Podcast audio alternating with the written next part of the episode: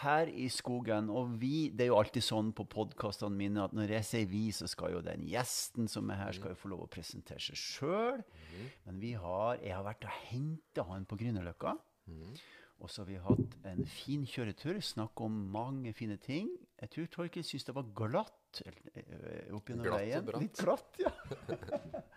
Oppe i skogen. Men nå sitter vi her i huset i skogen, som eh, jeg har bestemt meg for de siste, siste åra, at jeg skal lage podkastene mine her. For det kjennes så godt ut og deilig atmosfære å være. Så, men nå skal vi først og fremst få en Torkel til å presentere seg. Mm.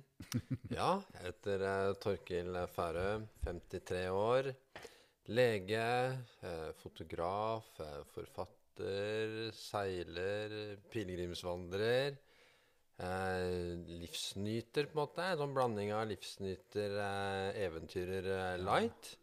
Eh, som egentlig bare er på jakt etter å få mest mulig ut av livet, og prøver å finne ut forskjellige metoder for å få det til på, da.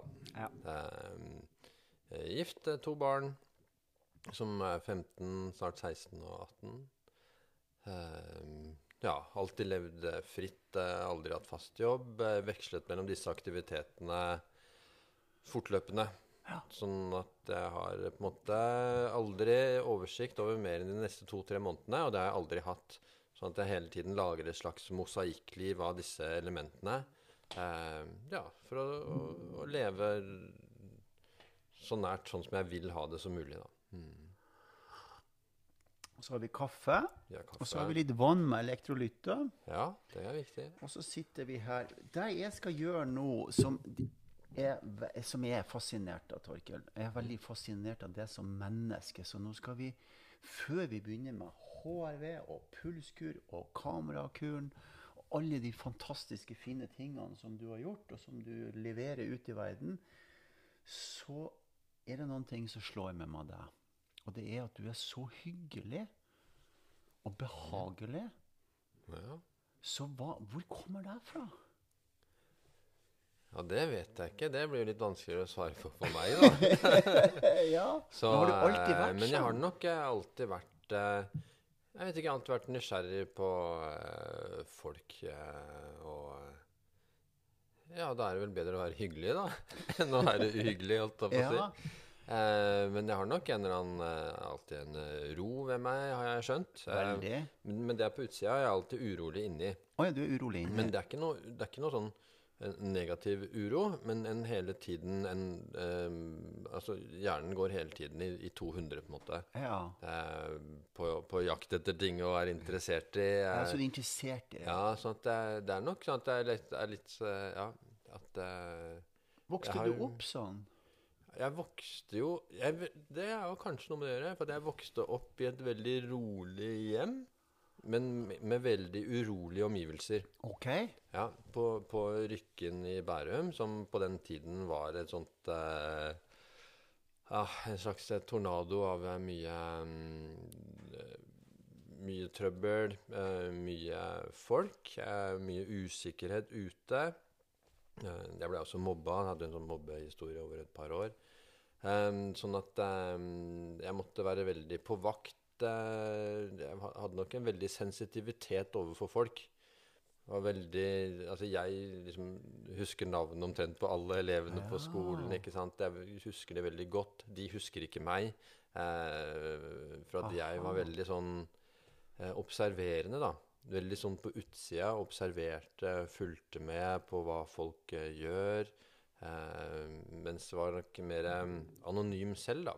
Ja. Eh, så det kan ha noe med det å gjøre. Mm.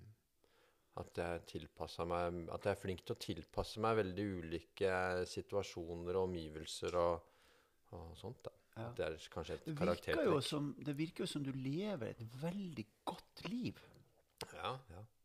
Jeg, jeg styrer jo livet mitt sjøl, så at jeg har jo, ikke sant? Sånn at jeg har jo, det ville vært dumt av meg å velge, velge et dårlig liv. da. Ja. Ikke sant? Jeg, jeg har satt meg i en posisjon hvor jeg, hvor jeg styrer hva jeg gjør, og når. Vet du og, når du bestemte deg for det? Ja, det var tidlig. Ja, Da var jeg sikkert 12-13 år. Du var 12-13 år. Ja, ja. At jeg bestemte meg for at, eh, at eh, Jeg skjønte jo at ikke jeg kunne ha fast jobb. Så jeg skjønte på den tiden eh, Jeg vet ikke helt hvorfor at, at jeg ikke kunne leve et vanlig liv. Du kunne ikke Det skjønte jeg, det, det, det lå ikke for meg. At en sånn fast eh, jobb Og den tiden jeg på 70-tallet Du hadde jo bare Det var jo ikke noen alternativer. Det var ikke noe sånn som nå hvor alle muligheter var åpne. Du, du fikk presentert på skolen Skal du bli ingeniør, eller skal du bli lærer, eller Ja. lege, eller ikke sant? Og Ja. så jobbe med det i 40 år. Ja. Eh, men jeg skjønte at det ikke At jeg ikke kunne det. Det var liksom Det er ikke sånn at det var et alternativ. Det var, det var ingen alternativer der. Eh, sånn at jeg, jeg skjønte at jeg måtte finne min egen vei, da. Så um, vi, skal, vi, skal, vi skal gå litt grann mer inn i den her. Jeg var på lanseringa av boka di eh, og Pulskuren, og da var vi jo på Deichmanske, og så satt jeg og så så jeg på han mannen som kom inn. Han er slank og flott, og Line da, og sa jøss, han, kler virkelig det der. Sånn som han er. Ja, så sier han kler virkelig det. Og så satt vi og hørte på deg. Veldig veldig hyggelig og flott presentasjon. Du hadde et lite foredrag på en halvtime først, før du ble intervjua. Men så sier du noen ting som jeg beit meg merke veldig. Og da var at jeg er der jeg skal være til rett tid. og virke, Du sa ikke 'virke', men jeg har flaks. Jeg er der jeg skal være. Hva, hva er det for noe, Torkel? Ja, det er Jeg har alltid stort på, på flaks. Eh, og eh, Men det har nok også med det at jeg er åpen for muligheter. At jeg har øynene åpne. Og så har jeg et spillerom, sånn at hvis det dukker opp en mulighet, så kan jeg ta den. Ja. Um, sånn at det, Hvis jeg hadde hatt fast jobb, for eksempel, så kunne jeg jo ikke sagt at jeg kunne skrive denne boka her. Jeg ville jo ikke ha tid. Nei. Ikke sant? Men når jeg f.eks. fikk eh, tilbud om å skrive denne boka her, forespørsel om det, Ja. så ok, ja, men da rydder jeg plass. Da flytter jeg på eh, visse legevaktsjobber og sånt, og så bytter jeg litt på planene, og så legger jeg inn planene for å skrive en bok. Ja. Um, sånn at det er nok noe med at, eh, at eh, jeg har denne friheten, at jeg dermed kan eh, ta mulighetene som, eh, som byr seg, da. Men så er det alltid eh, en sånn utrolig rekke med flaks eh, også, ja. men som Ja. Som jeg alltid har stolt på. Da. Så jeg, jeg stoler alltid på at jeg har mer flaks enn jeg fortjener. på en måte. Men du har lært av deg at du har flaks. Ja, jeg har lært at det kommer til å dukke opp muligheter og er åpninger si som jeg ikke kunne forutsi. Som jeg ikke kan forutsi nå, men som jeg vet at de kommer til å dukke opp. Sånn at jeg, jeg vet at de kommer. Så de ligger der. De ligger og venter på meg. Hva, hva er det neste vi, vi skal komme inn på bøker og Garmin-klokka og alt sammen, kjære lyttere, men Mm. før vi kommer dit, det er så spennende, mann, Torkel. Hva er det som ligger der fremme nå? Ja, det vet jeg ikke. Det er jo det som er så spennende. Ja? Ikke sant? At, at, eh, at hva som helst kan, eh, kan eh, skje, da. Jeg, du- jeg, så, jo du har jo Alkymisten her, Ja. ikke sant? Ja. Det, og Alkymisten var jo kanskje en av de som åpnet øynene mine. Altså for, det, for det som Det er nettopp det Alkymisten er. Ja. Hvor gjetergutten Santiago går ut og ser muligheter som ingen av de andre ser. Ja. Og, og, og, og tar de og bruker de. Eh, sånn at Alkymisten har, nok- har, har betydd mye for meg, faktisk. ja, det betyr mye for meg. Vi har jo noen fellesnevnere der, fordi du har jo gått mange fine pilegrimsturer. Mm. Du har jo også gått til Santiago, og du har gått Norge, og du har laga film om det, eller eller dokumentar. Og jeg har sykla fra Paris og gjennom Frankrike og ned til Santiago, og jeg har gått pilegrimstur på vinter. Og, mm. og du skriver jo i boka, som vi skal komme inn på, at, at dette med å komme seg bort og hva, ja. Ja, Det å komme seg ut, og det var jo så øh, Også den øh, håper å si, flaksen jeg hadde Det var også en, kanskje en av de første flaksene at idet jeg var 16-17 år, så begynte det å bli populært, dette med jorden rundt-turer. ja. Det at du kunne kjøpe en jorden rundt-billett for liksom 12 000 kroner. Ja, tenk på det. Ikke sant? og komme deg jorda rundt, det Ja. var da nytt. Og den sjansen grep jeg med begge hender. Ja. Og den opplevelsen som jeg da hadde av å være ute i verden, fri fra alt som bandt deg til å være den du trodde du var Mm. ikke sant? Du kunne skape deg selv, på en måte. For at hvem du var på et eller annet sted i Australia, Ja. da var du fri. Eh, ikke sant? Og eh, å kunne slippe de For du, du blir jo på en måte fanget i et slags sånn edderkoppnett av ja. hjemme. Av alle forventninger og hvem du tror du er, og hvilke Ja, muligheter du tror du har. Og plutselig så ser du at alle muligheter er åpne. Ja. Du kan faktisk gjøre alt. Ja. På den turen så traff jeg jo folk som drev med en masse spennende ting, så jeg skjønte at alt går an. Eh, og og eh, om, om, om alt annet mislykkes, så kan jeg plukke poteter i Australia, på en måte, eller frukt i Ja. Okanagan Valley et eller annet sted. ja, ja. Eh, og, og, dermed så var ikke falløyden Altså om jeg mislykkes i ambisjonene mine, så kunne jeg alltid gjøre det. Så dermed så trengte jeg ikke noe sånn å falle tilbake på, da. Og Men du, men du Torkel, hva tror du er talentet ditt? Det ultimate ikke være talentet. Talentet mitt er kanskje ikke være redd. Du er ikke redd? Nei. For å prøve Um, ting. Jeg er ikke redd for å prøve ting. Jeg er ikke redd for å mislykkes. Um, og, og den redselen tror jeg paradoksalt kanskje har noe med den mobbinga å gjøre. fordi at jeg tenkte at hvis jeg tåler dette her, så tåler jeg på en måte alt. Hvis jeg tåler å bli banka her og der eh, Ja. over lang tid, eh, og likevel så står det? jeg her støtt Ja, ja, ja. Ja. Ordentlig banka. Du ble banka. Grisebanka. Fy, ja, du ble det. Ja, ja, ja. Eh, og så visste du aldri når det skjedde. Så er denne Uff da. usikkerheten også. Altså at min, min Ja. dag avhenger av hvordan andres dag er. For at hvis de hadde en dårlig dag, så var de sannsynligvis ute etter å sparke ja. på meg. Ja.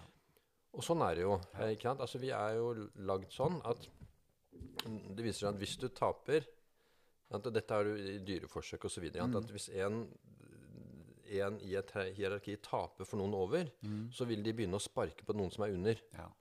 Ikke sant? Sånn at det er jo en del av eh, det automatiske med, eh, med the pecking order, på en måte. Det er sånn at jeg var nederst der, da. At jeg var svakest. Hvorfor kunne de ta meg? Jo, fordi jeg var den svakeste, og jeg var den som ikke tok igjen. Ja, sår, sårbar? Kan man si at du var, var du sårbar som Ja, det var jeg nok. person, eller? Ja, og så fant jeg da samtidig ut at jeg var sterkt, at jeg tålte mye, da. Ja. Um, og, og dermed så var jeg ikke redd lenger, eh, Men fikk jeg. du lyst til å hevne? Nei. Så der ligger Nei. ikke din natur. Du fikk ikke Nei. lyst til å hevne det? Nei. Nei. Men jeg hadde nok bare lært at dette her Altså, det som ikke dreper meg, gjør meg sterkere. Det tenkte jeg da. Da tenkte jeg, jeg, Ja, jeg sa det til liksom foreldrene mine. At nei, dette her går helt Når alt dette ble oppdaga, ikke sant, og, og, og lurveleven ble satt i gang, em, så, så sa jeg det, at dette har bare gjort meg sterkere. Var de er kanskje at- mer bekymret enn du, da? Ja, ja, de er mye mer bekymret enn meg. Jeg har alltid bare sagt at dette var bare bra. Uh, altså, Jeg ville aldri tatt det ut. Jeg hadde sannsynligvis vært mye svakere, og kanskje mye av det jeg har gjort, uh, ikke ville skjedd hvis, Hvis jeg ikke hadde blitt mobba. Da hadde jeg kanskje blitt eh, vanligere. Fascinerende historie. Det kan, eh, det kan være. Og det skriver jo også eh, Ryan Holiday, som vi Ja. akkurat har snakket om, Ja. eh, skriver jo også det at slike episoder kan gi deg en citadel, et fort. Det gir deg et fort som ingen andre kan innta. Så du er, har en sånn grunnleggende styrke som du har fått gjennom denne harde prosessen, eh, som gjør at ingen kan ta deg. Og den følelsen hadde jeg, at, at hvis ikke dere kunne ta meg, som nå har forsøkt i tre år, ja, da kan ingen ta meg. Så bare kom igjen, liksom. Hiv Ja. mot meg det dere vil. jeg liker det. Altså, Veldig inspirerende å høre Så på. det er nok kanskje da, Og da er det ikke det talentet mitt, men det er nok noe som, som ble utvikla, da. Utviklet. som herda meg, eh, som ga meg en sånn ja, grunnleggende styrke da, som ingen kan ta fra meg, på en måte. Sånn at eh, folk kan si hva de vil til meg, liksom. Det, De må gjerne prøve. Så bra. Dette var jo en kjempekul intro. Nå er dere mer, eh, enda mer kjent med han Torkel, um, som er veldig fascinerende. Han har jo skrevet to bøker, 'Kamerakuren' og 'Pulskuren'. Og jeg har lest begge veldig grundig. uh, flere ganger. Og, og 'Kamerakuren' så lagde vi en podkast, det er tre år siden omtrent. Ja. Eh, og det som fascinerer meg der, det er jo at du kan si at 'Kamerakuren' er en psykologisk åpenbaring. Altså, går på psyken. Det er en fantastisk bok. Jeg anbefaler å kjøpe den, eh, og lese den, og lese Pulskuren. fordi jeg føler at de er fletta sammen. Ja, de, de dreier seg om ulike deler av nervesystemet. Sånn at um, der kamerakuren dreier seg på en måte om hjernen, om livsmestring, om hvordan vi skal tenke for å få til det vi vil. Eh, hvordan vi skal handle for å få til det vi vil, og hvordan Ja. vi for å endre oss mot det vi ønsker å bli. Ja. Eh, på en måte den tenkende delen av hjernen. Så skjønte jeg etter å ha skrevet kamerakuren at det er et enda mer grunnleggende system under her som trenger å være i balanse. Eh, Og det er det autonome nervesystemet. Sånn at hvis det autonome nervesystemet ditt er ute av balanse, hvis du er for stressa, du sover for dårlig, du spiser feil, du har ikke overskudd, så er det veldig slitsomt å begynne med livsmestring. For det krever mer tankevirksomhet ja. og handlekraft. eh, Sånn at gjennom pulskuren, da, det å få kontroll på det autonome nervesystemet med stressbalansen, så får du overskuddet til å bli bedre på livsmestring. Da. Så Ja, de jeg du, hverandre. ja, jeg har hørt på mange av podkastene dine, og, og, og du kommer inn på det. Og vi trenger å komme inn på det.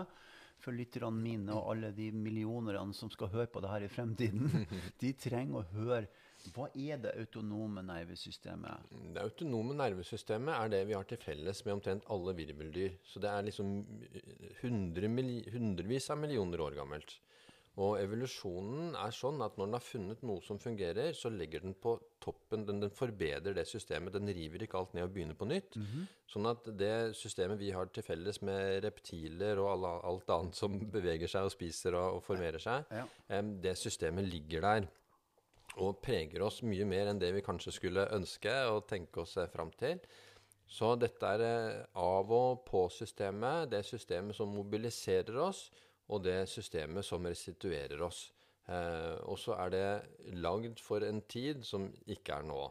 Eh, sånn at eh, dette systemet er lagd for hvordan vi fungerte på savannen for eh, en halv million år siden, en million år siden osv. Eh, og dette systemet er det som nå er i ubalanse i vår tid, og som skaper mye sykdom. Når dette systemet er i ubalanse, så blir kroppen og hele organismen vår stresset, og vi underpresterer. eh, og, er på en måte ikke i stand til å, å eh, leve livet vårt eh, bra da. Det som er fordelen Og dette autonome nervesystemet består av det parasympatiske nervesystemet, som roer oss ned. Vagusnerven, det som bremser ned aktiviteten og legger til rette for at immunforsvaret kan gjøre jobben sin og restituere kroppen etter dagens arbeid.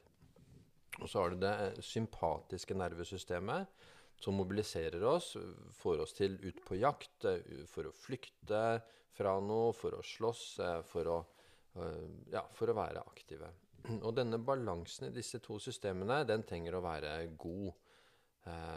Og det som skjer, er at gjennom pulsen så kan vi klare faktisk å måle oss fram til hvilket av disse systemene vi er i. Ja. Eh, når vi er i hvilemodus, eh, parasympatisk modus, så vil hjertet slå litt raskere når vi puster inn, for å utnytte det at eh, lungene er fulle av oksygen.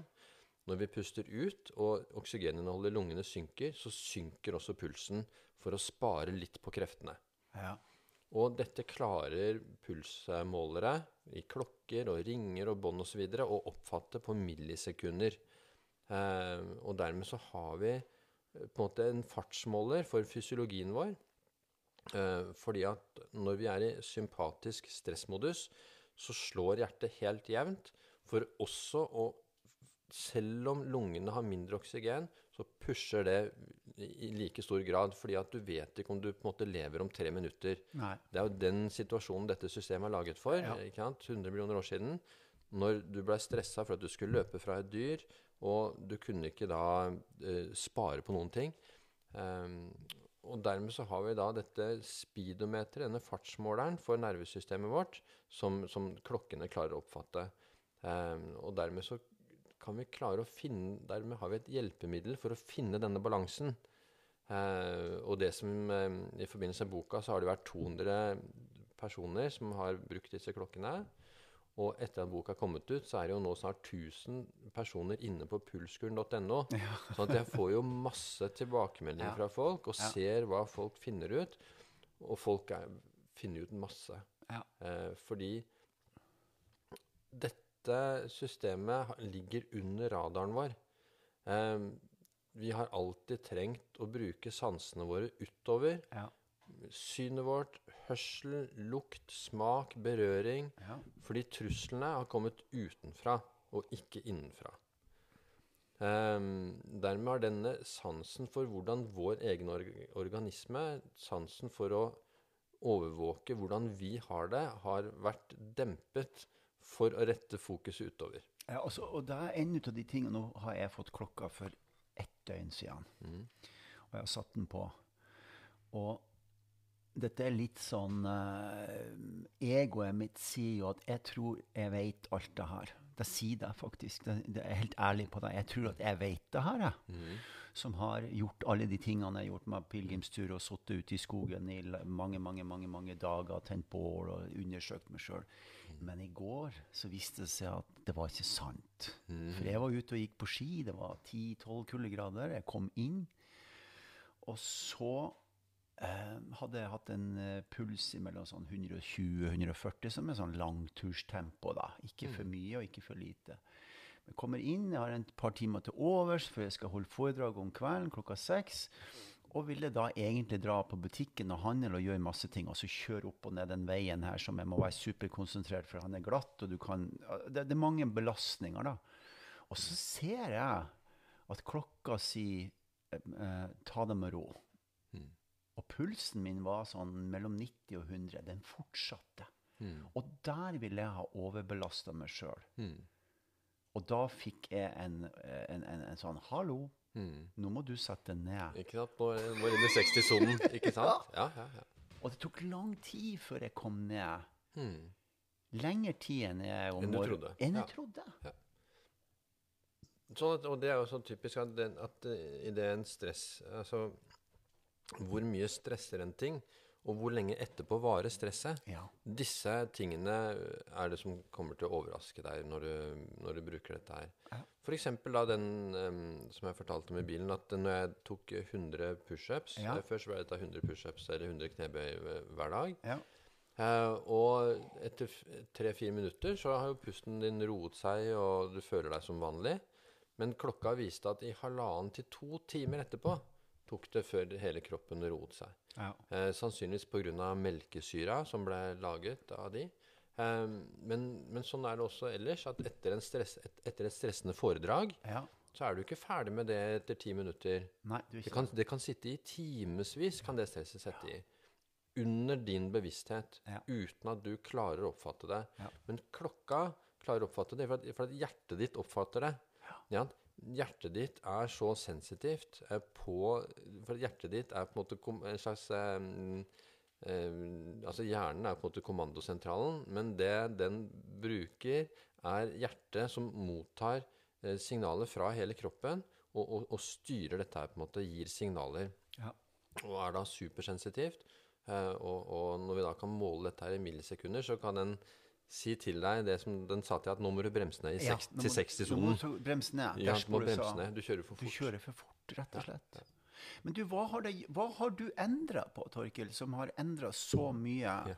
Ja, jeg har endra på nesten alt. Ja, få Ja, det må jeg si. Ehm, nei, jeg har endret på hvor stort fokus jeg har på søvn.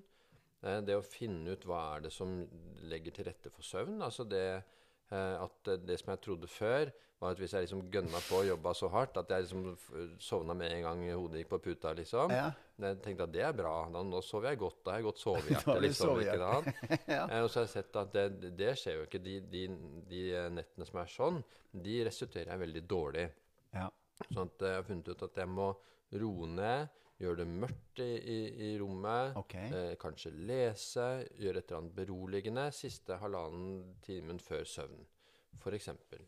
For å sove bedre. Og passe på at jeg får de åtte timene med søvn så ofte jeg kan. Ja.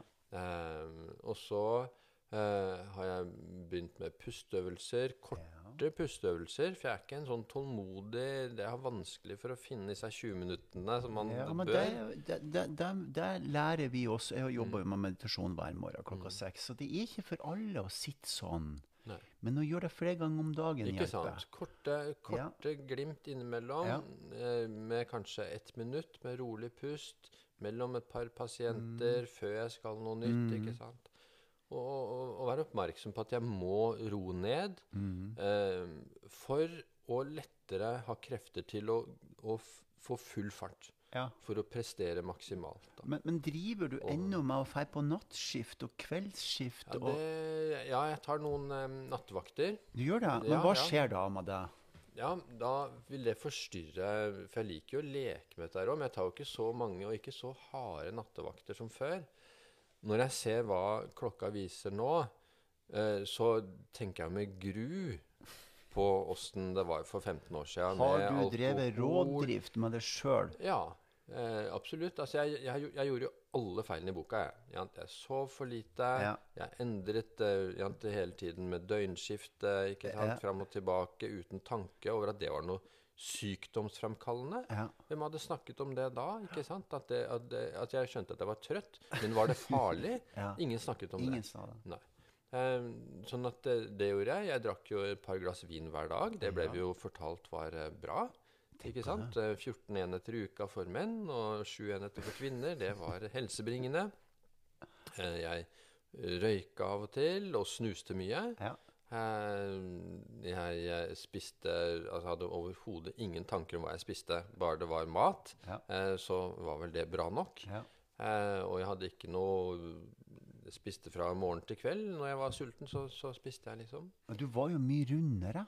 Ja, ja, ja, jeg veide jo 20 kilo mer. Ja, for jeg har sett bilder Ja, ja, av ja, tilbake. ja, ja. Når Altså, jeg viser du- de bildene, så begynner folk å flire. De, Ja, liksom, jeg begynner- jeg- Hvem er han der, liksom? Ja, jeg vil ikke være dømmende, og sånn, men du var jo litt rund. var, jeg, var, jeg var småfeit. eh. Og nå ser du jo fantastisk Ja, ja, bra nå ut. veier, jeg, nå veier jeg det samme som da jeg var 16. Tenk på det. Ja, ja. Så, så, og, og jeg vet jo ikke hvorfor eh, det tok så lang tid, men jeg husker altså, når jeg plutselig så meg selv i speilet igjen da, etter at jeg hadde gått ned, så jøss, der var han. han. Han jeg husker for Ja. 20 år siden, liksom. Men du, eh, når traff du kona di? Ja, da var jeg nesten 30. 29. Hva sier hun om den nye Torkel? Ja, hun er vel sikkert eh, fornøyd, eh, fornøyd eh, med det, ja. Ja da, hun liker meg Er ikke sant? Ja. Hun likte vel til med en gammel òg, men nå kjenner jo ikke jeg altså, eh, Jeg har forandra meg såpass mye at, at jeg lurer jo på hvem han var. Han for, ja, det er det, er det jeg tenker på nå. Det er bare å du, og sette du litt på spissen, jo, du det her. jo altså, Det er noe med at når du forandrer deg i kroppen, så forandrer du deg i hodet òg.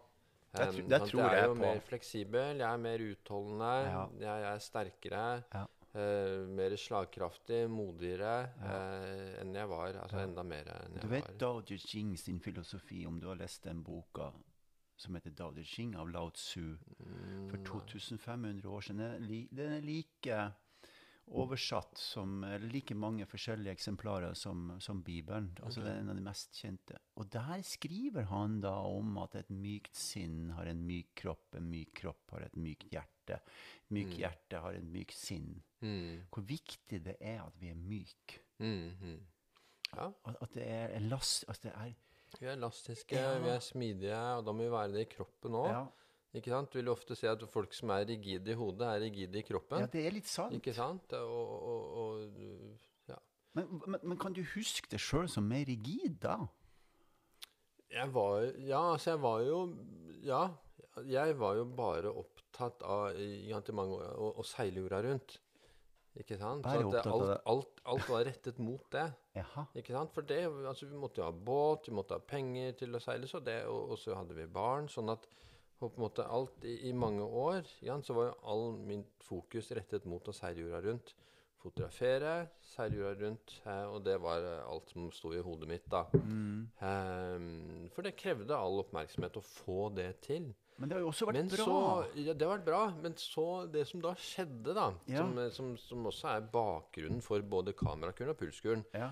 Fordi at eh, etter å ha seilt et år Mm. Vi skulle seile i fire år. Etter å ha seilt et år, så døde, ble faren min sjuk og døde. Eh, sånn helt ut av, av ingenting, på en måte. Um, og og um, da måtte jeg jo endre alle planene. Så alt jeg hadde jobbet for, alt jeg hadde forberedt meg på, var med et pennestrøk borte. Okay. Ikke sant? Så plutselig så måtte jeg begynne helt på nytt, med, med andre planer. Eh, gjøre ting helt annerledes.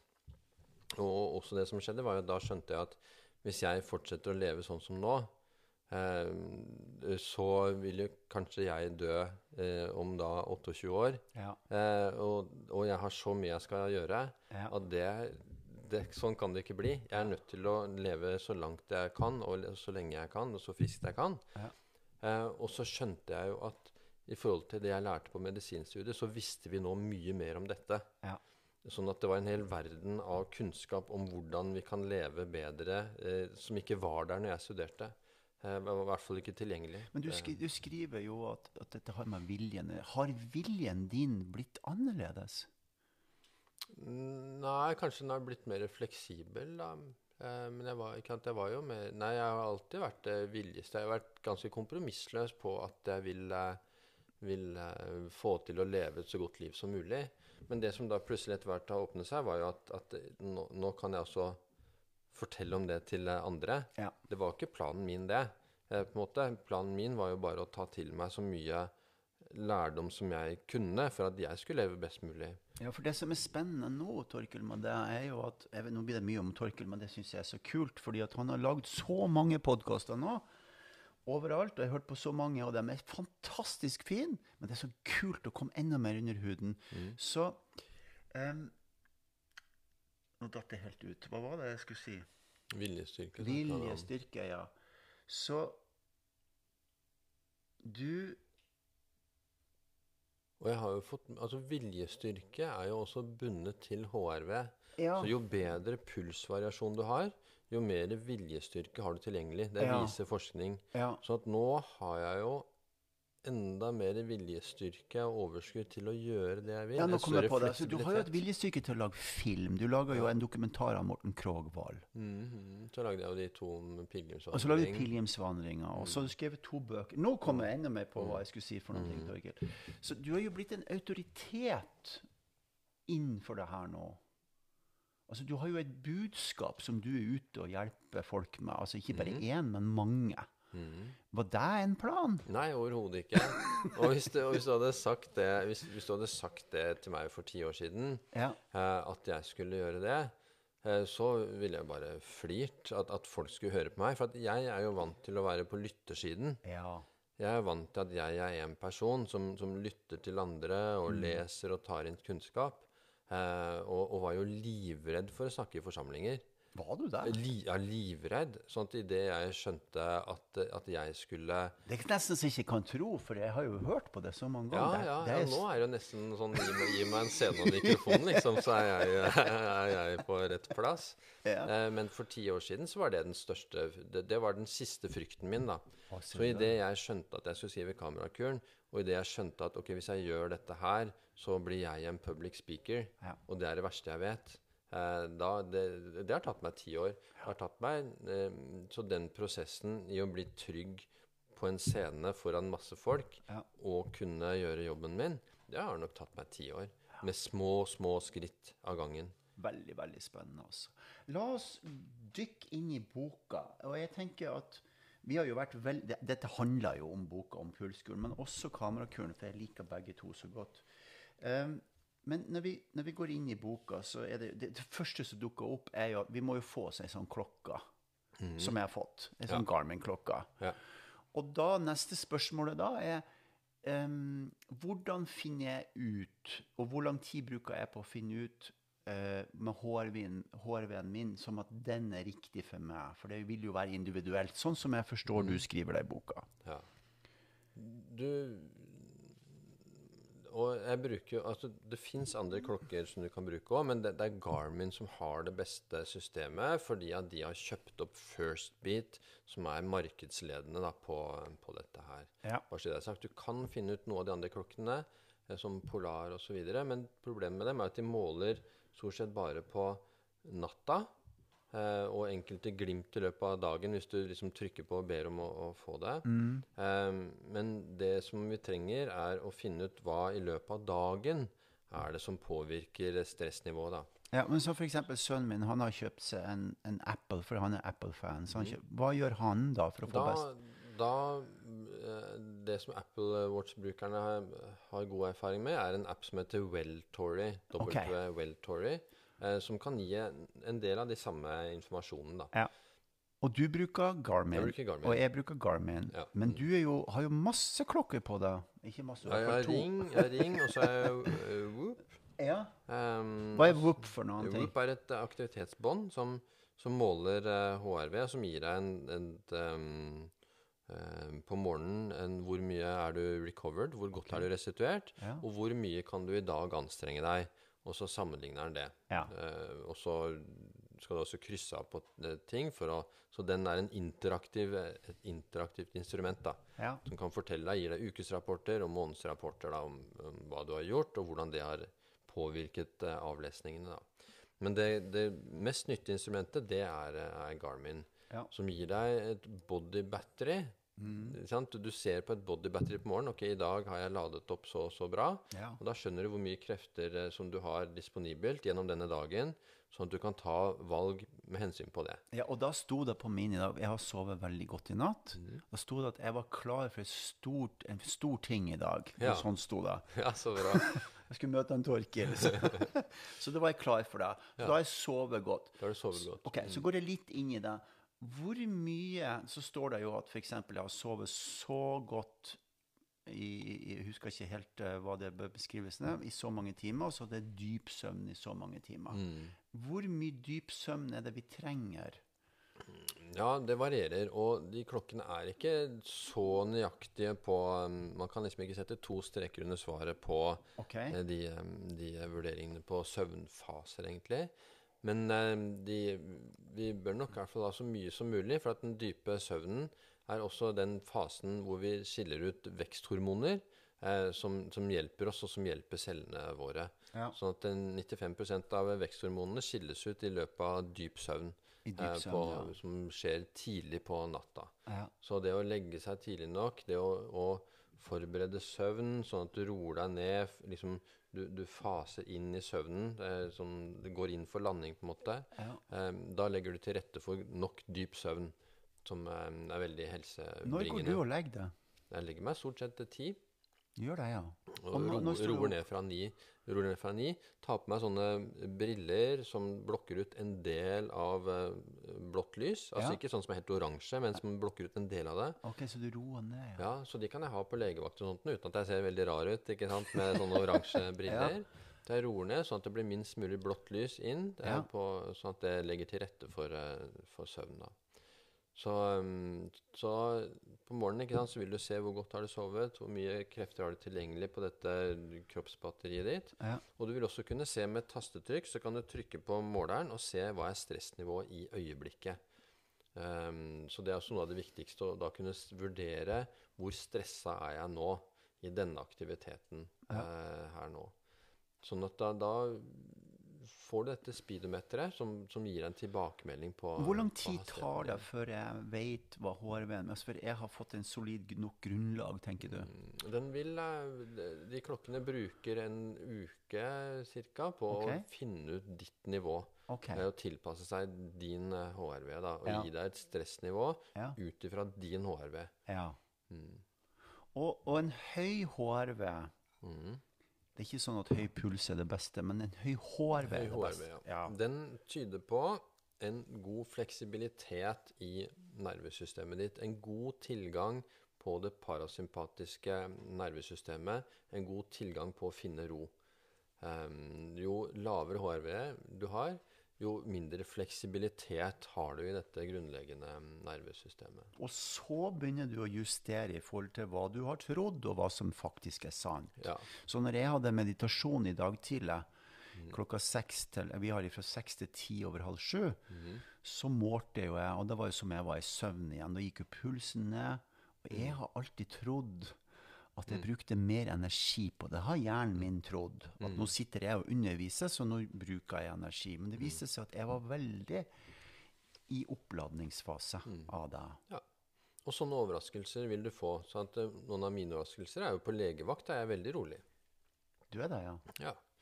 Ja, For da er jeg i mitt eh, Da er jeg trygg. Da gjør jeg det som, som Ja, jeg vet er riktig. Du Så at kan, ja. det som jeg kan. Så der hvor jeg før kanskje ville tenkt at nå har jeg jobber jeg åtte timer, nå, dette er jo travelt, dette er slitsomt. Og så ser jeg at nei, det er ikke det. Eh, Dette her er Ah.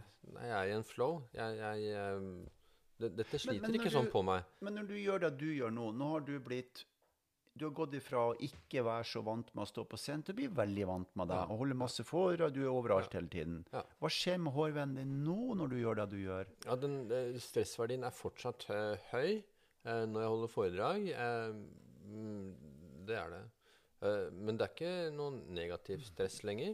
Det er mer en slags intensitet og noe som mobiliserer meg for å formidle så godt jeg kan. Så hele, hele kroppen anstrenger seg for at eh, hjernen skal klare å finne de riktige ordene, og samtidig følge med på folk i salen, ikke sant? Eh, samtidig passe på at det er eh, god stemning, at jeg har overskudd til å flire og tulle litt Ja, eh, ja, ja, ja. innimellom, Ja, ikke sant? Så det er deg å improvisere. Ja. Sånn at um, det, er en, det er jo en, en anstrengende ting fortsatt eh, å holde foredrag for meg, da. Ja, ja. Men, men hvis du skal sant, Vi skal jo ekspandere i det her også. Vi skal jo Mm. utvikle oss. Altså, vi, det er jo ikke sånn at vi skal bare ligge på sofaen og hvile. Nei, vi skal stresse. Vi skal stresse. Vi skal stresse. Ja. Det er superviktig i, i boka. Altså, vi skal anstrenge oss, men vi må kompensere med restitusjon. For ellers så får vi ikke uh, paybacken for det stresset.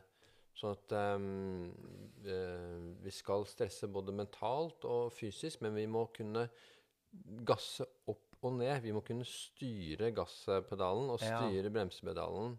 Og jo flinkere du blir til å trå inn bremsen, Ja. jo flinkere og mer energi har du til å trå inn gassen For du når det må altså være bevisst på å tråkke på gassen. Du må OK, du kjører i 80-sonen i Mm. Nei, 80-60-sonen, og da må du bevisst sette på bremsen. Ja, ja, når du skal det. Så når, ja, og, og, sånn er det hvis før et foredrag, Ja. så, så roer jeg meg veldig ned. Ja. Men jeg vet at idet noen sier 'her kommer eh, Torkil Færøy som skal fortelle', så Er du på da, da er det full gass. Ja. Ikke sant? Men da styrer jeg nå gassen mer. Før så Ja. ble jeg jo bare urolig av at alle så på meg. Og det var en som spurte meg på siste foredraget Som spurte meg liksom eh, som Er du nervøs nå? Da sa jeg nei. Og så sa hun å, det må være bra, for det er, det er jeg Ja. før foredrag. Så spurte hun hva er trikset. Så sa jeg trikset mitt er veldig lett. Det, det er å tenke mer på hvordan jeg ser på det- tilskuerne, enn hvordan de ser på meg. Ja. For at hjernen klarer ikke å ha to tanker i hodet samtidig. Så hvis jeg tenker på hvordan jeg ser på folk, så klarer jeg ikke å tenke på hvordan de ser på meg. Ja. Så nå, sånn- du er sånn lurer jeg hjernen. veldig spennende nå, Torkil, som, som jeg jobber med, at vi er forskjellige mennesketyper. og Noen trenger mer øyekontakt, og noen trenger mindre. Mhm. Og tiden du bruker på øyekontakten, har noe å si for hvordan Sånn som jeg og du, vi ser på hverandre, og kan kan se på hverandre lenge uten at det er ubehagelig. Du er veldig trygg i deg selv. Mm. Og da tenker jeg at når du da ser dem, så roer det seg ned. Mm, mm. Så, Ja. så det vil være noe med Det er noe medfødt også, som jeg tror du da kanskje har fått anledning nå til å bli vant med å bruke da. Det er bare min, det er bare min Mm. Ja, det tanke rundt det, da. Så nå bruker jeg det nesten som jeg gjør på legekontoret én til én. Ja, dette kan jeg Ikke tenke sant? Til. Så jeg, nå tenker jeg bare ok, jeg gjør bare det samme som jeg er vant til på legekontoret. Ja, ikke sant? For det er du ja, veldig god på. Mm. Å være oppmerksom. Mm. Ja, og det har med mengdetrening å gjøre, ikke sant? For jeg har jo hatt over 100 000 konsultasjoner. Jeg har jo undersøkt over 50 000 folk, så jeg har undersøkt en prosent av befolkningen. sånn det er Ja, jo det er du og Snåsamannen. Han hadde også 50 000. Ja. Ja, det er vel fascinerende, altså. For det må jo gi en enorm erfaring med å være med folk. Ja, ja, så jeg har jo erfaring med folk. Erfaring med å være i ekstreme situasjoner. Mm.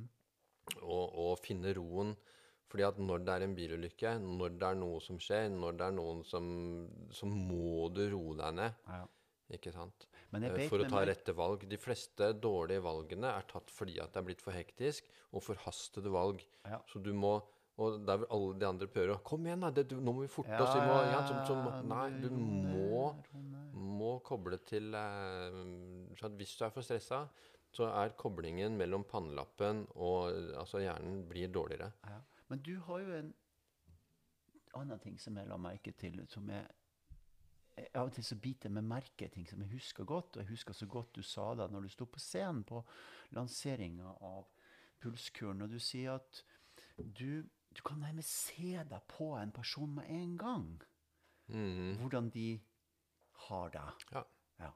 Ja, for at du, du venner deg til også på legevakt. eh, Som lege så har du jo dårlig tid. Så du, du venner deg til å se raskt på tilstanden til folk, da. Ja. Sånn at eh, du kan jo ofte jeg kunne ha snudd folk i døra før de fikk sant. satt seg. Ja. Eh, men så Da vil de klaga på deg, selvfølgelig. Eh, men du venner deg til å se tilstanden gjennom det ytre, da. Ja. Du venner deg til å se den indre tilstanden gjennom den ytre ja, så du da. ser den indre tilstanden gjennom den Ja, ytre hud og blikk og, og, og framtreden og ja. gest, gestikulasjon. Ja. gestikulasjon. Hva ser du når du ser meg når vi sitter her i i du skolen? ser frisk og fin ut, Ser altså. frisk ja, ut, ja, ja. ja, ja, ja. Det er koselig å komme til legen her i skolen. Ja, ja, ja. ja, men det er bra. Eh, det. Vi går videre inn i boka. Du har jo skrevet at dette her er en ekspedisjon, Ja, ja. Det er en ekspedisjon fordi at um, det er krevende. Sånn at Ja. når du skal begynne å forandre eh, livet ditt og forandre det du gjør, så, så eh, er det som en ekspedisjon. Det er, Ja. Du må være godt forberedt. Du må ha lastet opp en del kunnskap Ja. eh, for at den ekspedisjonen skal bli vellykket. Ja. Eh, og du må være forberedt på en anstrengelse. Og når du er forberedt på at det blir en anstrengelse, så blir den anstrengelsen lettere. Så derfor sier jeg med en gang at dette her kommer til å, å, å- koste litt krefter og innsats hvis du skal få payback for dette her. Ja. Eh, sånn at du, at du liksom brace yourself. Eh, ja, for det vil være inspirasjon, og det vil være motstand her. ja, du skal liksom kanskje slutte å snuse, eller du skal kutte ned på alkohol, eller du Ja. skal legge til rette for å sove bedre, og du skal endre kosthold, kanskje kjøpe inn nye matvarer, få Ja. inn nye matvaner, kanskje spise på Kanskje du skal være sulten, droppe frokost, Ja. droppe kveldsmat, ikke sant? Sånne Ja. ting som, som kan koste deg noe. Ja, for nå er du inne på noe igjen da, som jeg må bare ta opp mens jeg kommer på det. Dette her med faste. Jeg faster jo, spiser da klokka, etter klokka tolv, mellom tolv og åtte, i hvert fall to-tre ganger i uka. Mm. Ja. Uh, det gjør noe om Jeg blir mer opplagt. Og det kommer du til å se på klokka. Du kommer til å Det se gleder jeg meg til å se. Så du kommer til å se at eh, det å faste roer ned nervesystemet, Ja. samtidig som du får med deg adrenalin. Sånn at det å, å faste ser ut både ut til å gi adrenalin, gi en slags um, skjerpethet, og samtidig ro. Så Ja, for inne, ja, ikke sant? For nå er vi inne på mat. Hvordan spiser du? Jeg spiser mellom tolv og, og seks, Ja, stort sett. Okay. Eh, det hender eh, at, eh, at jeg spiser litt seinere, men i hvert fall mellom 11 og 7. Sjelden jeg spiser utenom det. Okay. Eh, er det en spesiell middag som er klokka ni et eller annet sted? Eller, Ja, er eller sånn som hvis vi er på ferie et eller annet sted, og i Italia så er liksom maten klokka ni, Ja, ja, men da er den det. Ja. Ikke sant? Ikke noe ekstrem. Men hvis jeg Ja. klarer Ja, jeg å jeg bruker å si jeg er kulturianer. Jeg spiser der eh, det er miljøet som er der jeg ja, ikke sant? Litt fleksibilitet, Fleksibilitet. der. Sånn at, for jeg har sett at det, det er veldig viktig for HRV. Og det ser jo mange som har plager med mage-tarm og, og leddlidelser og, og det som skyldes Sykdommen i våre dager skyldes hovedsakelig en kronisk lavgradig betennelse i hele kroppen. Og da snakker vi både om tarmene, ikke sant, som er Ja. kanskje det mest følsomme eh, organet vi har, Ja. sant, hvor blodårene ligger én celle fra tarminnholdet i åtte meter, liksom. Ja, tenk på det. Ehm, og, og det ligger i ledd, men, og, men også i depresjon. En regner jo med at ca. 50% hvert fall av depresjon bare er måten hjernen vår reagerer når kroppen er preget av en slik kronisk lavgradig betennelse. Ja. Og denne betennelsen blir mindre når vi faster. ja. Sånn at eh, det å spise hele tiden jevnt er ikke tarmene våre lagd for. Den er lagd for at, at, at det hver dag er liksom minst tolv timer med fred, sånn at eh, tarmene kan gjøre det vedlikeholdsarbeidet det trenger. Ja, ikke sant? ja. Um, men også perioder også som kan være lengre med, med lite mat eh, for å, å ta en større Ja, si, ja, ja. opprydning. Men hva si. spiser du for Ok, nå har vi kommet så langt. Men hva er det du spiser for noe? Jeg prøver å spise minst mulig ultraprosessert mat. Ja. Eh, mest mulig såkalt ekte mat. Mat som oldemor eh, ville kjent igjen som mat. ja. Eh, da er du ganske trygg. Da spiser du det som vi er laget for. Ellers er jeg ganske fleksibel. Du er fleksibel, ja. Ja. Jeg prøver å holde sukker nede. Jeg Ja. går rundt med noen kontinuerlig blodsukkermåler. Ja, at fortell om det litt. Du går med denne blodsukkermåleren. Det er Ja. kult. Ja, så den viser jo at det, Og det gjelder jo å ikke ha masse sånne spikes i, i blodsukker. For øvrig en veldig god bok på dette der ute nå. eh, 'Glukoserevolusjonen'. Okay. Eh, og på Instagram 'Glucose Goddess'. Ja. Kjempeflink til å visualisere hvordan eh, ulike ting virker på blodsukkeret. Og der er jo en del eh, ganske lette hacks, eh, altså triks, for Ja. å klare å få orden på det. F.eks. å ta før du spiser et måltid som inneholder karbohydrater, så tar du en spiseskje eplesidereddik oppi et glass vann eh, og drikker det. Fordelen med det også er jo at du venner deg til å drikke litt mer vann Ja. også enn, enn du ellers ville gjort. Det er også å spise grønnsakene først, og så proteiner, og til slutt karbohydrater. Da vil den dempe de Særlig sånne leafy greens, altså bladgrønnsaker, vil legge seg som et slags nettverk i tarmene som forsinker blodsukkerstigningen og flater ut den kurven. Litt sånn koronastil på det. Flater Ja. ut kurven. Um, og, og, og unngår da sukker uh, i størst mulig grad, da. ja. For å få det jevnest mulig. Ja. Og, og, så er det trening. Vi, vi må litt inn Mm. på det med aktivitet. Hva slags aktivitetsnivå har du? Det er ikke sånn veldig Eller stort. anbefaler du, da? Ja, jeg anbefaler um, to til tre timer i uken med moderat uh, aktivitet. Ja. Um, sånn at det kan være bare rask gange, og gjerne med noen bakker for å få pulsen opp litt. Ja. Men, men det trenger ikke være noe veldig anstrengende.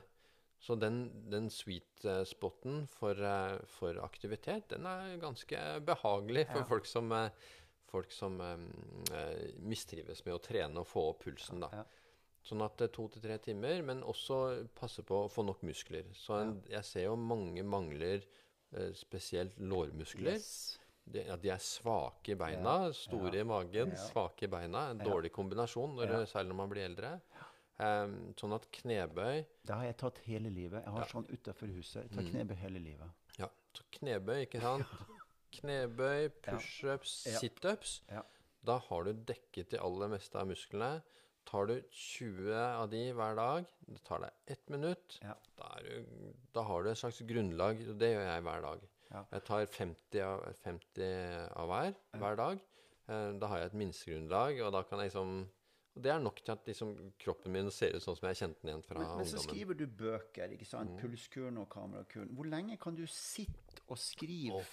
før du Ja, det er ikke lenge. Jeg, må, eh, jeg har vanskelig for å sitte stille. Ja.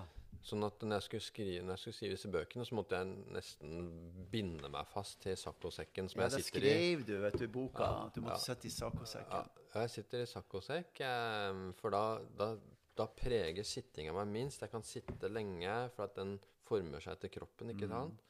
Mm. så det fant Og, og med en sånn eh, myk eh, laptopen oppå en sånn eh, Ikea-ting, da, som er myk, som du setter på eh, fanget.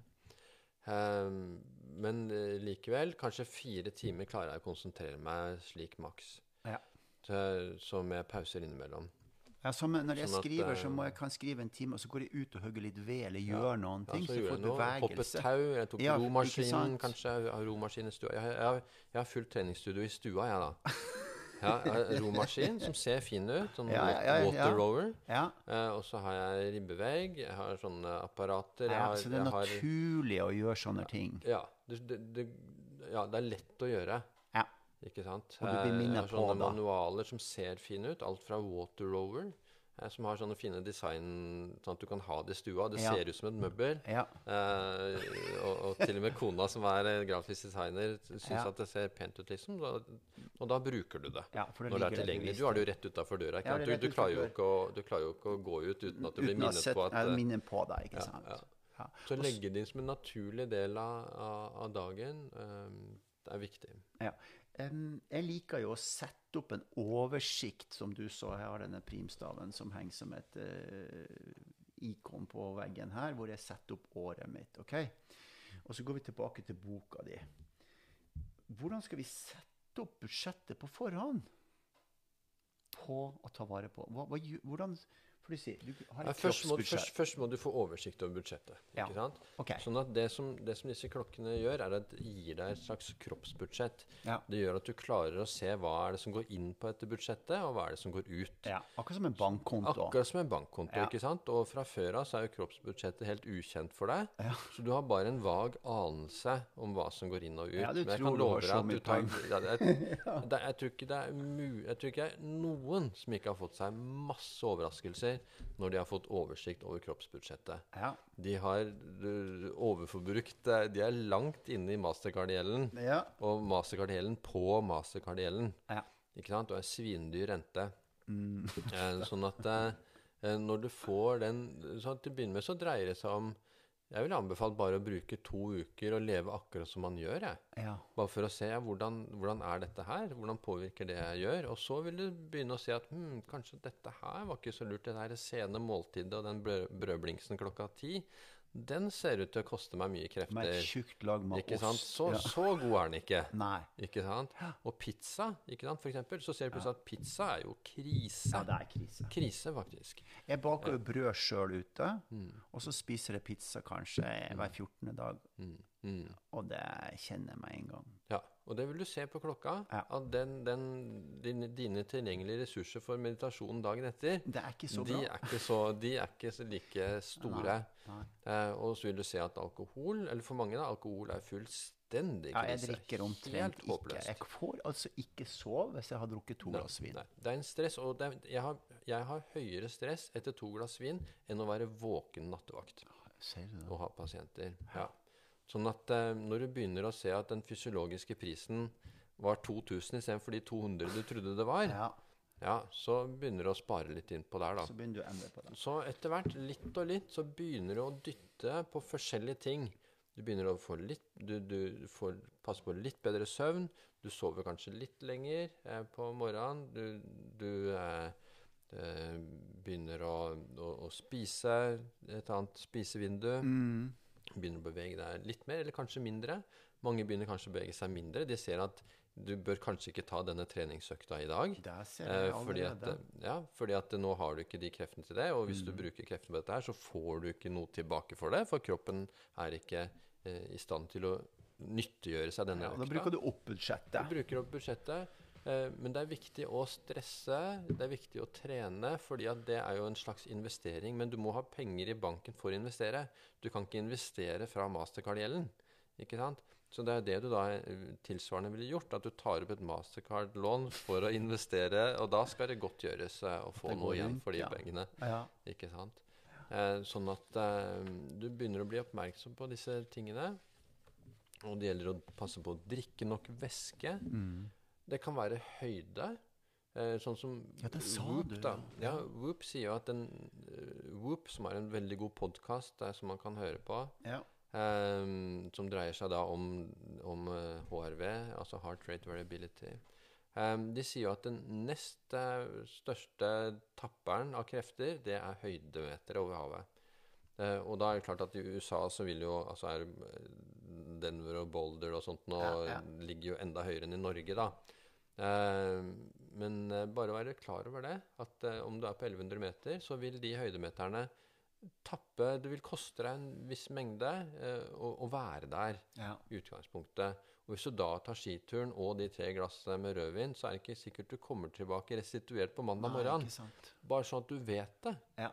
Og da kan tenke at ok, men denne treningsturen på mandag, den dropper jeg i hvert fall. Ja. Så kan du begynne å justere, justere litt der. Så, så du, du skriver jo altså fra underskudd og stress til overskudd og ro. Så du En ting som jeg også har streka under her i boka, det er dette her med at det er ferskvare. Mm.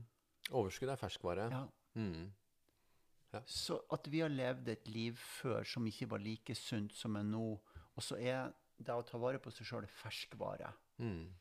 Så det betyr at vi kan bare glemme det vi har gjort før, og så begynne å leve på en god måte, og så blir vi endra. Ja, ja. sant? at organismen vår er jo i kontinuerlig endring. Altså F.eks.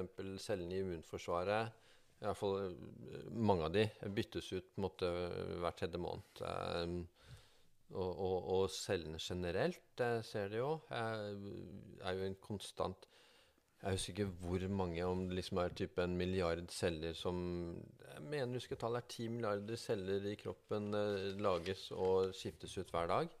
Um, sånn at det er en kontinuerlig prosess hvor vi hele tiden uh, må legge til rette for at cellene våre får best mulig betingelser for å, å fungere optimalt. At mitokondriene våre da, uh, klarer å gjøre jobben sin. da. Og når de klarer det, så, så vil jo cellene For det er jo det som gjør at eh, folk kan bli En stressperiode som kan være ganske kort, kan ha store konsekvenser. Ikke sant? Så en, en, en, en skilsmisseperiode med Ja. dårlig søvn og stress på tre måneder kan liksom velte hele immunforsvaret Ja. og, og, og, og skape en rekke sykdommer. Tippe det over mot autoimmune sykdommer og, kreft og, alvorlige sykdommer òg. Hjertelidelser og, alt. Sånn at det eh, på tilsvarende måte så kan vi også, når vi lever eh, mer i tråd med det fysiologien ønsker, så kan vi på tilsvarende måte bli, bli friskere. Ja. Eh, Men så så er det noe fordelen. individuelt, som du sier. Vi skal, vi skal nærme oss en avslutning. Mm. Det er noe individuelt som er der, og det er dette her som du sier, at det, det er temperament. Altså, du har en, du har en, du har, du har en unik ting som er du. Mm. Som, som du sier at du har en slags Du kan kjenne på en indre uro, men så kan du bruke den. Så hvordan stiller det seg i forhold til denne HRV-en? Hvordan, hvordan forstår vi det? Ja, jeg ser at jeg har jo et mer sånn triggbart system enn mange. Så jeg er i mye høyere stressmodus enn det jeg skulle tro. Okay. Eh, enn det jeg trodde før. Sånn at eh, det, det vil nok gi, gjøre at jeg måtte lettere mm, tappes. da. Så at eh, jeg, jeg må virkelig anstrenge meg for å komme i parasympatisk modus. Okay. Der hvor andre kanskje bare kan trenge å slippe på gassen. Så må jeg virkelig eh, konsentrere meg. eh, Fordi at jeg er så ivrig på ting. Fordi at jeg er så lett tennbar. Jeg er så nysgjerrig. Jeg er så utålmodig. Men det kjenner jeg meg igjen. Jeg kjenner jo at Jeg har lyst jeg vil se noe nytt. Ja. ikke sant? Det, eh, ligger ikke for meg å, å sitte i sofaen og så ikke det skjer noe. Nei. Sånn som andre kan ha lettere Ja. for å gjøre. da. Jeg blir veldig inspirert. Nå har jeg møtt jeg møtt deg før, da, Torkel, og, og, Mm. og, men jeg sitter heller med det og hører på det i dag. Det er masse ting jeg må finne ut etterpå. Mhm. Ja, jeg syns det er spennende om, om et halvt år, om vi møtes igjen, og så kan vi se hva du har lært av, Ja. av klokka. Det vil jo bli superspennende. Fordi at du gjør så mye Du lever så annerledes enn mange andre, så du vil, du vil finne ut andre ting enn det andre kan finne ut. Ja. For de lever ikke sånn som deg, på en måte. Sånn at uh... Jeg lever jo her i skogen, og jeg har ikke eh, elektrisitet og strøm, og jeg har ikke TV. Jeg, har, jeg har, står opp om morgenen, og jeg er jo ute hver eneste dag. og Jeg bruker sollyset som en faktor. Eh, for å få nok lys inn i øynene. Ja. Jeg trener alltid midt på dagen. Ja, ja. Alltid. Mm. Mellom tolv og to. Å, og da er det klart at eh, hvis jeg har venta med å spise, da, så spiser jeg etterpå. Mm.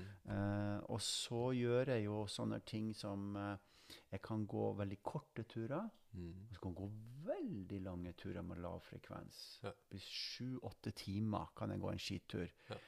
Bare for å være ute i naturen. Mm. Men da er jeg trener ikke. Mm, mm, Jeg har ingenting med trening å gjøre. Nei. Det sånn som vi gjør når vi er på pilegrimstur. mm, Da er jeg bare mm, mm, ja. i lamma av livet. Ja, ja. ja, ja. Og Så det det høres veldig spennende å ut. Er sånn, ja. sjekke ut hva det her betyr. Ja, for det er jo ganske i tråd med hvordan vi har laget ikke sant? Sånn som du lever, det er ganske på linje med, Ja. med Og jeg liker jo det du sier med at du bruker den siste. Det gjør jeg også. Jeg slår av alt av elektronikk på slutten av kvelden. mm, Sånn uh, ni-tida. Eh, hvis jeg legger meg ti, hvis jeg legger meg en halv ti kan, Av og til så kan jeg legge meg klokka ni også. mm, mm, Eh, men sånn halv ti-ti. Og så roer jeg ned. Og Mm. da har jeg bare fyr i mm, peisen, altså i, i, i flammen, da. Mm. Og så har du også en slags fleksibilitet med å være alene og sammen med folk, da. Ja, det er fleksibiliteten med å være alene Ja. og sammen med folk. Ja, ja. Og det er også, det må vi ta med her, for jeg syns det er så spennende å lese i boka di at noen finner ut at de faktisk har det veldig godt, så noen ting de ikke hadde trodd, med Mm. å være i lag med mange. Ja. Mens andre, de, De trenger ikke det. De trenger alenetid i større grad for å få hvilt. Mm, mm. Sånn at de blir kjent med sin egen. Personlighet. For, dette, ja, for klokka vil jo vise hvordan, hvordan du reagerer på ting. Ja, som leger så er vi vant til å få inn gjennomsnittstall på hvordan reagerer folk på denne medisinen eller den aktiviteten. ikke sant? Ja. Og så får du Jo, de gjør det sånn og sånn. Så får du et gjennomsnitt. Ja. Mens der kan jo noen ha reagert veldig bra på det, andre kan ha reagert veldig dårlig på det. Så nå vil jo du få et tall, tall på hvordan er det du reagerer på denne aktiviteten Ja. eh, her, ikke sant? Ja, også Så- at vi endrer vanene. ikke sant? Det er klart at Vi har jo lært det vi har lært, eller i hvert fall jeg lærte nå da når jeg vokste opp, det at du må spise frokost. Mm. Du må drikke melk. Mm. Spise tre brødskiver med ost eller noe sånt. Og så må du ha matpakke. Mm. Og så skal du helst ha et mellommål med et eple. Mm. Må ikke være sulten, ikke ikke Må Ikke, finne på å være sulten. ja, ja. Og så skal du da eh, gjøre noe aktivitet på ettermiddagen, og så skal du spise middag. Eller noen ganger så spiste vi middag før vi gjorde, gjorde aktiviteten. Mm, mm. Og så er det jo selvfølgelig kveldsmat. Ja, ja. Ja. ja, da er det Da overbelaster jo tarmene hele, hele, hele veien. tida, det gjør det sjanseløst til å gjøre jobben sin. Ja. Som også er en ting som jeg bruker tid på nå og lærer meg å forstå. Det er jo dette her med tarmsystem og, og dette lobiom som jeg prøver ut nå, som er bare ett av mange merker på, på hva eh, du kan tilføre ja. Du må ha gode tarmbakterier. Du må ha gode tarmbakterier. Det er essensielt for, eh, for å ikke ha denne betennelsen i kroppen. Ja.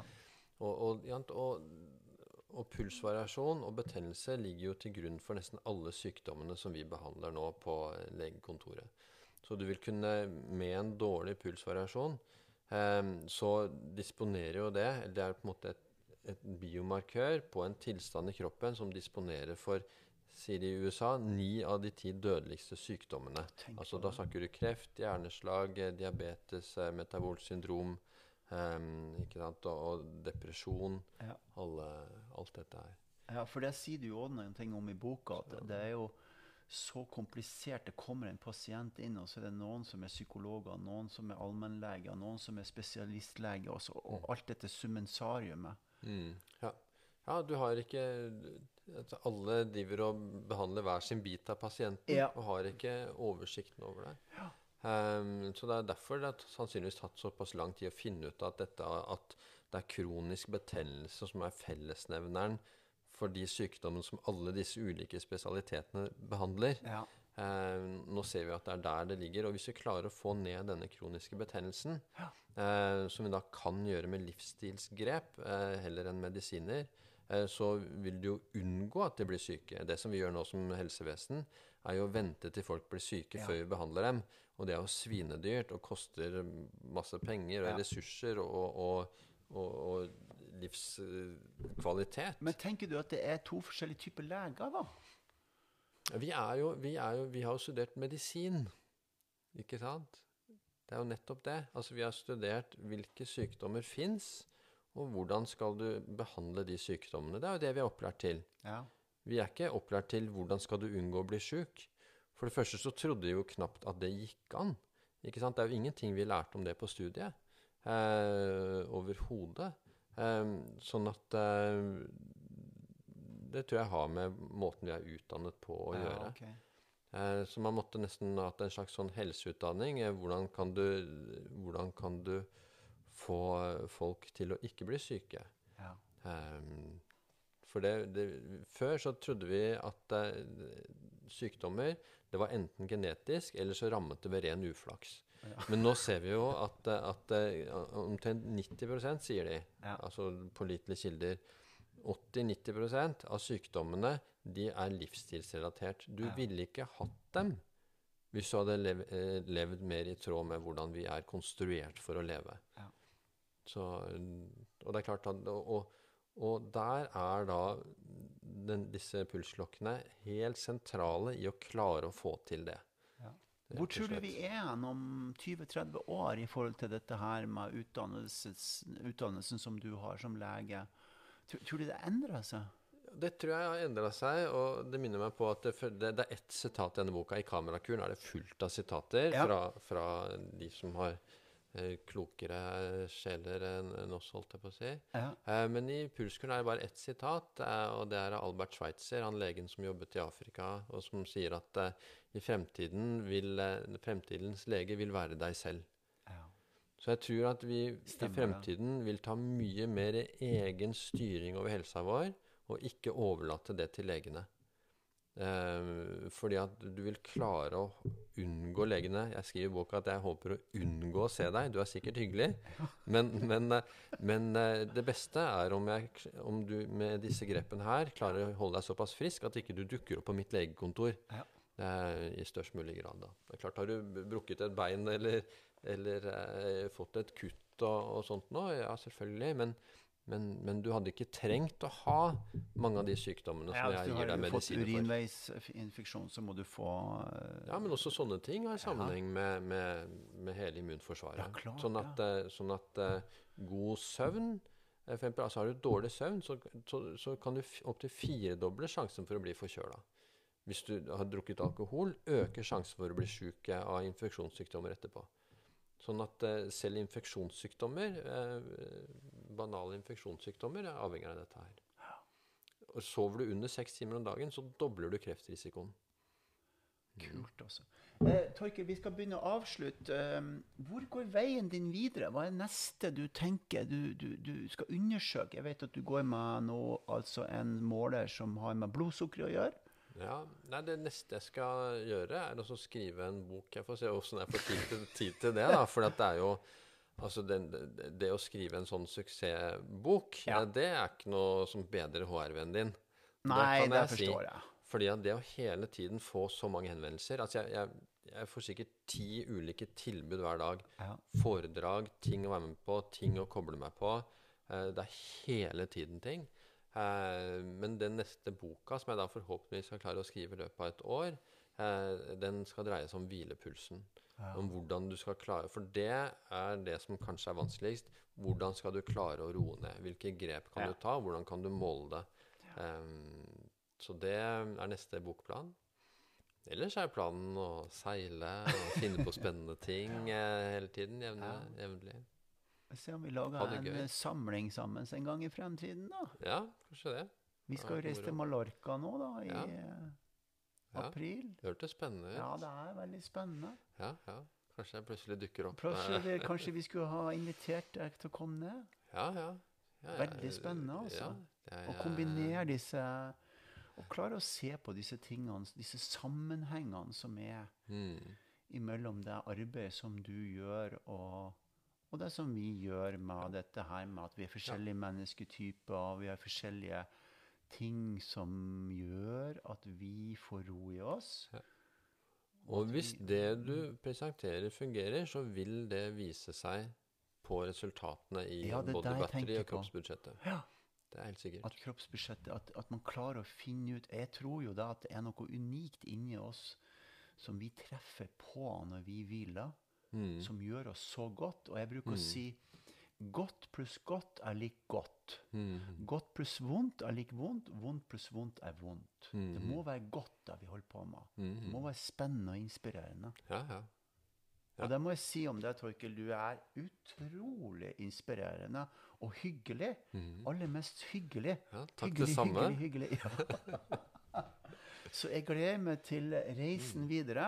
Håper vi eh, får flere muligheter. Og så må jeg si tusen takk for at du sa at du vil komme i skogen med alle de henvendelsene du har. At du vil Ja. komme hit. ja, det var jeg som spurte deg Ja, det var få komme opp i skogen. du som meg. og da ble jeg så glad. Jeg var oppe i Rondane i lag med Oline, da, og, og, og så kom det melding fra det Torkel, og da ble jeg altså så glad. Ja, ja. Så det setter veldig stor pris på. Ja, ja. Så tusen hjertelig takk. Mm. Og så skal jeg spre budskapet ditt Mm. og budskapet vårt overalt som jeg kan. Mm. Tusen takk for tiden. Tusen takk selv. Disse her, eh, sånn at du får de på mm, et tastetrykk, da. Ja, nå hører dere en Torkel. Nå sitter han altså og stiller inn klokka med, så den blir riktig. Så får jeg hjelp av det. Dette ble en sånn liten tillegg i podden, da. Eller kanskje dette er begynnelsen. Og så har vi jo funnet på noe annet lurt, Torkel. Ja. Hva har vi funnet på? Nei, Vi har funnet ut at det har vært veldig artig å være på Mallorca på den retreaten. Ja. Så da kommer du dit, da? Ja, tenker det. Ja, Og så eh, koser vi oss sammen. og... Ja tenker jeg at du eh, er med og hjelper og sier ting og holder et lite foredrag etter vi har gått opp til Luck på pilegrimsturen. Ja, ja. Er ikke det greit? Gjerne det. Og så tar du med Tone, inviter Tone. Ja. Ja. Sånn, sånn gjør vi det.